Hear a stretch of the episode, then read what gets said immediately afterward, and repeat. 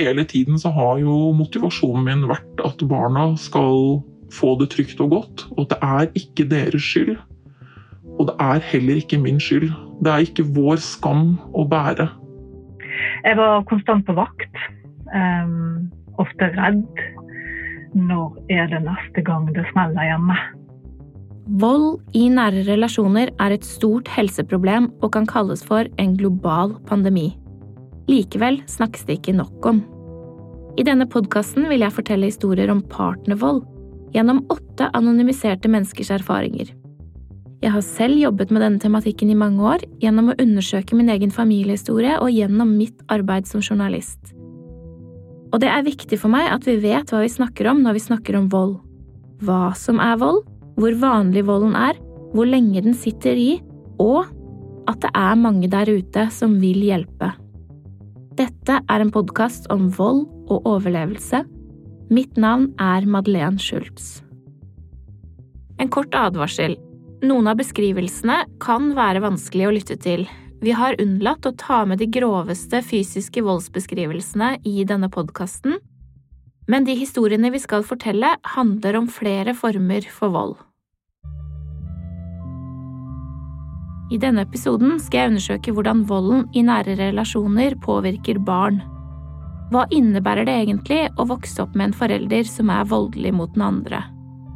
Først skal dere få høre hvordan det gikk med Ingrid, som jeg introduserte dere for i forrige episode. Det ble ikke til noen rettssak om selve voldsepisodene som Ingrid ble utsatt for, fordi hun var for redd til å la politiet åpne sak. Men hun måtte likevel møte i retten etter hvert for å avgjøre hvem som skulle få omsorg for nettopp barna. Og sånn er det ofte i saker om vold i nære relasjoner, der det er barn involvert. Selv om det ikke nødvendigvis blir en rettssak om volden, så havner omsorgsfordelingen av barna i rettssystemet. Ehm, jeg husker at jeg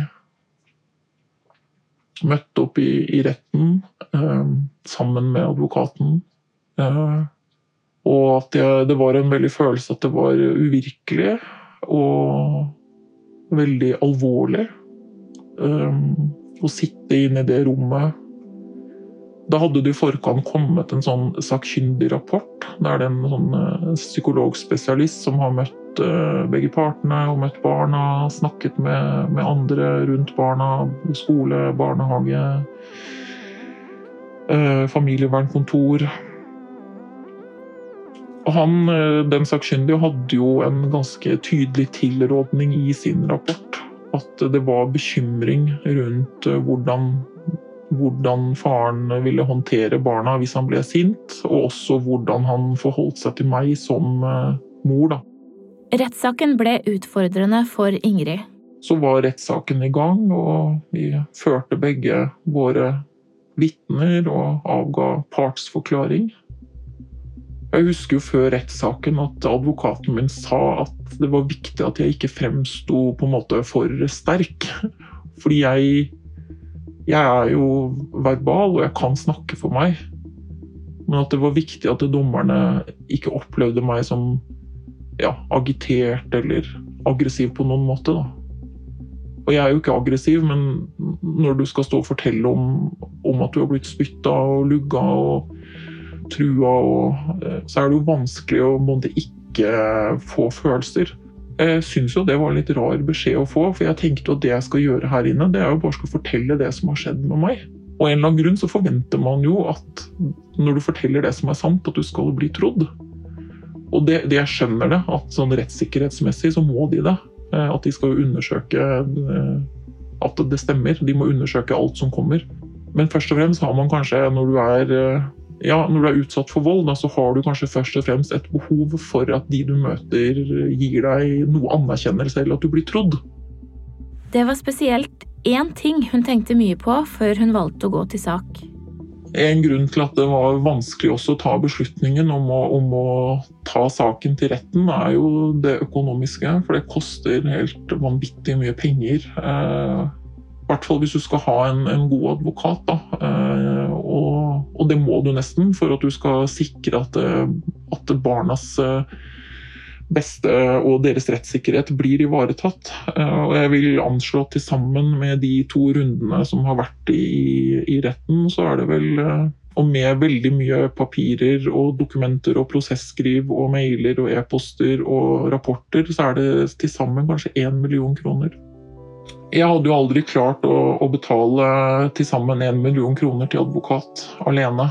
Det, det Jeg er ikke, ikke spesielt bemidlet. Så jeg vet at mange må ta opp lån eller kredittkortgjeld. Eller selge leiligheten, selge bilen. Eh, jeg var så heldig at jeg kunne få dette som forskudd på arv. Da. Så det som på en måte egentlig skal være ja, penger som kunne komme ja, meg og barna til gode eh, som arv, det måtte jeg bruke på, på rettssak istedenfor. Ingrid følte seg likevel heldig som hadde muligheter til å få økonomisk hjelp. Og hun har mange ganger tenkt på alle dem som ikke har den samme muligheten. Retten bestemte jo på liksom tvilende grunnlag at eh, faren skulle ha noe samvær med barna. Eh, og dessverre, på de samværene så ble barna utsatt for eh, emosjonell omsorgssvikt, psykisk vold og veldig grov manipulasjon. Eh, i så stor grad at eh, barna fikk alvorlig funksjonsfall. Eh, og da tilrådde barnevernet at jeg måtte fremme en ny sak for retten. Og hvis jeg ikke gjorde det, da, hvis jeg ikke evnet å beskytte barna fra skadelig samvær, så ville det i verste fall føre til tiltak mot meg som bostedsforelder. Da måtte jeg gjennom en, en ny runde i retten. Et overslag på de samfunnsøkonomiske kostnadene av vold i nære relasjoner som ble gjort i 2012, viser at det koster det norske samfunnet mellom 4,5 og 6 milliarder kroner årlig. Likevel vet vi for lite om de økonomiske konsekvensene for de enkelte. Her er forsker Margunn Bjørnholt fra Nasjonalt kunnskapssenter igjen. En ting som, som, er veldig slående også da, i de uh, intervjuene med mødrene, det er hvordan veldig mange ser ut til å komme veldig dårlig ut økonomisk. Altså at det bruddet blir veldig dyrt for dem, fordi flere de går uh, tapende ut av booppgjøret. De får ikke de verdiene som de egentlig har uh, krav på i boet. Eh, og flere eh, sier også at de, de bare måtte droppe, droppe, det. Og også for å prøve å få det foreldresamarbeidet etterpå til å fungere, så kunne de ikke stille for mye krav om å få, eh, få ut eh, de verdiene de hadde krav på i boet. Eh, og noen opplever at eh, den partneren de prøver å bryte med, helt bevisst eh, sørger for at de taper. Altså nekter å betale dem ut, påfører eh, dem felles utgifter som gjør at man eh, taper penger. Og fortsetter også etter, etter bruddet med å bruke økonomi som, som en måte å kontrollere på. Dette er ting som er litt vanskelig. Disse tingene de er på en måte subtile, for det er ikke så lett å bevise det og at det er systematisk, og at det er med vilje. Sånn at dette får de veldig liten forståelse for, da, at dette er noe problem. Men jeg tenker det, det er så mange som forteller om akkurat sånne ting. At jeg tenker ja, dette er et problem. Det er en del av repertoaret. Det er en del av det som gjør at de mødrene blir veldig fattige. De må jo bruke veldig mye penger på rettssaker. Penger som de ikke har, da. Fordi også mange har blitt syke av volden. Så de er jo på arbeidsavklaringspenger eller på uføretrygd. Eh, så jeg tenker de økonomiske konsekvensene av dette er sannsynligvis veldig store. Eh, vi har ingen forskning i Norge som har undersøkt egentlig det. Disse kostnadene ved volden. Vi har én undersøkelse av kostnadene ved volden. Da ser man bare på de pengene man bruker i hjelpeapparatet for å, å håndtere vold. Jeg tenker det er toppen av isberget. Ingrid hadde brukt opp mot en million kroner på sine saker men heldigvis vant hun også fram. Hun endte til slutt opp med å bli tildelt full omsorgsrett. Jeg var jo letta over å bli trodd i, i retten, og at både den sakkyndige psykologen eh, trodde på, på, det som jeg fortalte, og også dommeren. Men jeg syns det var litt tungt å få en, en, ja, en dom på 20 sider hvor ordet vold ikke er nevnt. Det står eh, beskrevet eh, fysiske og psykiske utfall. Jeg syns det er rart at, at retten ikke kan bruke det å bli lugga, sparka, tatt kvelertak på, sperra inne, eh, spytta på, det er jo vold. Og da burde retten også skrive vold. Hun var fri for overleveringene, men verken hun eller barna var helt fri fra volden av den grunn. Og selv om det var eh, Selv om vi fikk eh, ro fordi vi ikke lenger måtte forholde oss til han, så har det vært veldig tøft. å hjelpe barna å prosessere det de har vært utsatt for. Det har vært veldig mange vanskelige spørsmål, tanker, eh, som jeg har Jeg har måttet eh, ja, nærmest være som en sånn ja, psykolog for barna. Eh, det har vært veldig hardt å stå i. Det er vanskelig å skulle finne tid til å bygge opp seg selv igjen når man også plutselig har blitt alenemor og må være støtte for sine egne barn. Og Mye av den psykiske volden var jo å fortelle meg at jeg var en veldig dårlig mor, og at jeg burde sperres inne.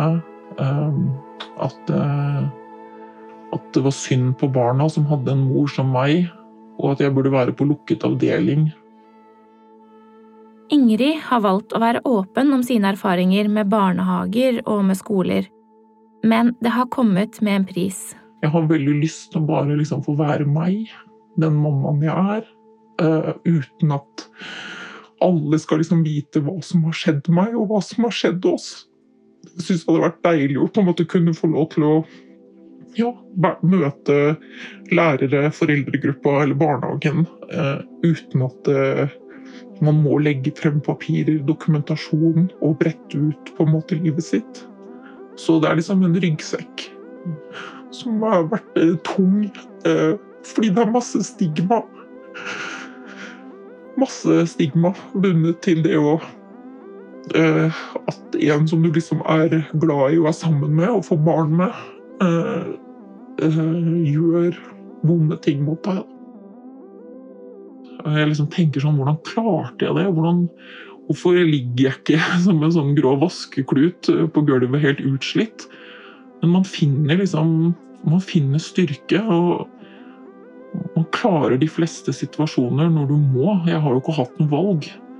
Eh, og hele tiden så har jo motivasjonen min vært at barna skal få det trygt og godt. Og at det er ikke deres skyld. Og det er heller ikke min skyld. Det er ikke vår skam å bære at dette skjedde med oss. Ingrid jobber fortsatt med å bygge opp igjen både seg selv og barna sine.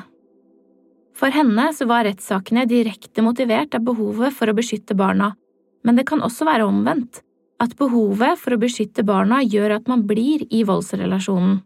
Her er Vanja Sæter fra krisesenteret i Salten og omegn igjen.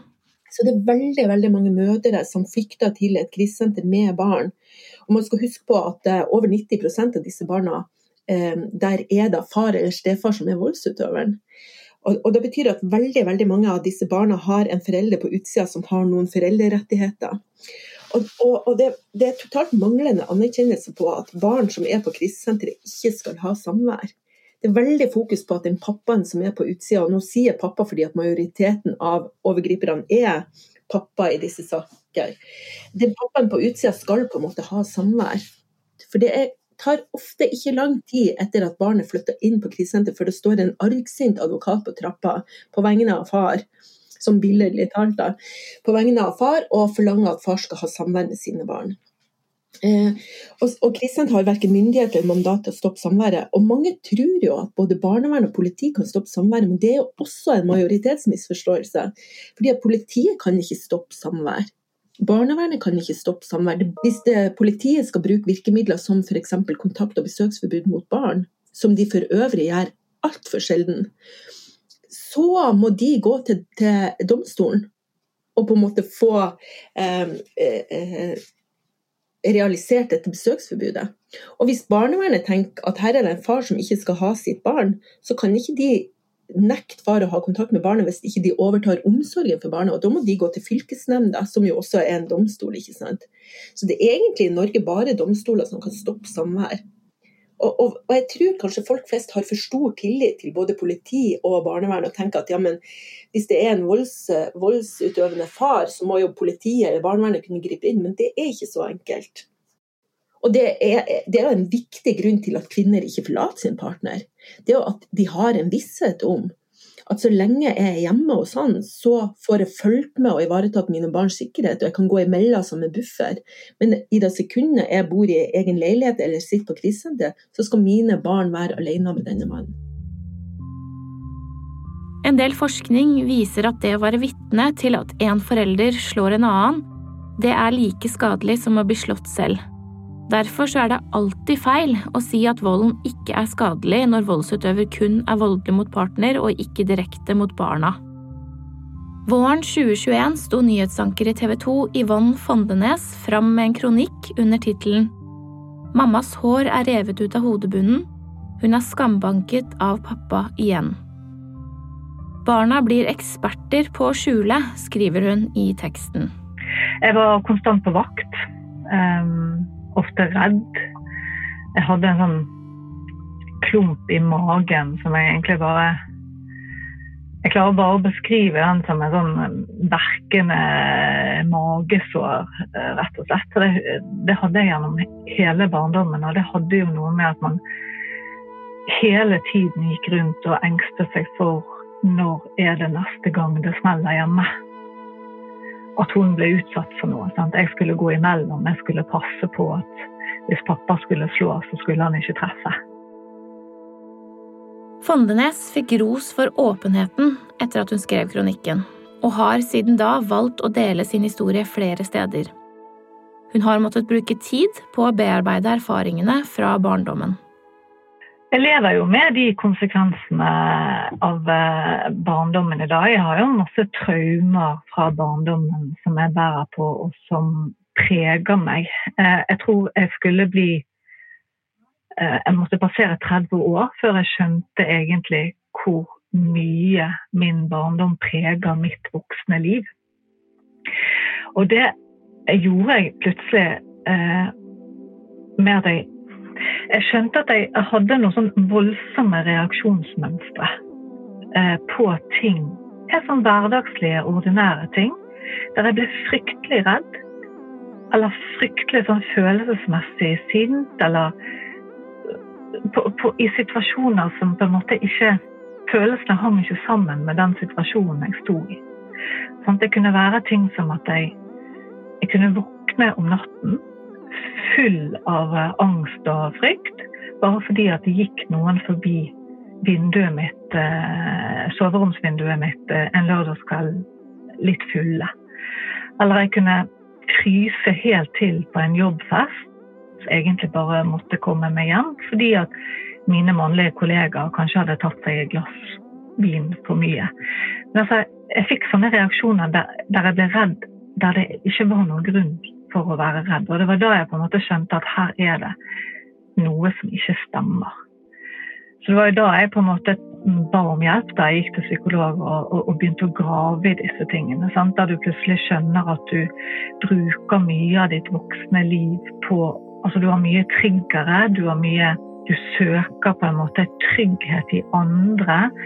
Jeg fant ut masse sånne ting, rare ting som jeg gjorde som voksen, som egentlig stammer fra overlevelsesmekanismer når jeg var liten. Sånn at jeg, I dag så klarer jeg jo i mye større grad også på en måte gjenkjenne disse triggerne. Altså Jeg kan kjenne at når den angsten kommer eller den redselen kommer, så kan jeg stoppe opp og så kan jeg si hva er det som skjer rundt meg nå. på en måte, Så kan jeg håndtere det. Men altså, det forsvinner jo ikke helt. Eh, men hvis du jobber med det sånn som jeg har gjort, og vært, hel, vært, heldig og hatt muligheten til å gjøre det. Da. For det er jo ikke bare bare å få den hjelpen eh, heller. Um, så kan du på en måte Ja, at det preger deg mindre som voksen. Volden kan sette dype spor i familier, og den kan strekke seg over generasjoner. I neste episode skal jeg treffe Ronja Katrin Larsen, som forteller om hvordan det var å vokse opp med ei voldstraumatisert mor. Og jeg skal også snakke med dem som arbeider tett med utøverne av volden. Stemmer det at vold avler vold? Er du utsatt for, eller kjenner du noen som er utsatt for vold i nære relasjoner? Sjekk ut dinutvei.no, ring ditt kommunale krisesenter eller VO-linjen på 116 006. Denne podkasten er produsert eksklusivt av Filt for Psykologisk institutt ved Universitetet i Oslo og Norske kvinners sanitetsforening. Research, manus og klipp ved meg, Madeleine Schultz. Produsent er Anne Gerd Grimsby Haarr, og koprodusent er Ida Palin Bostadløkken. Prosjektledere hos UiO er Joyce Antonia Oyokoyo og Beate Seibt, som også er ansvarlig utgiver. Takk til alle kilder som har delt sine historier, og fagpersoner for å bidra med sin kunnskap. Podkasten er støttet av Stiftelsen DAM.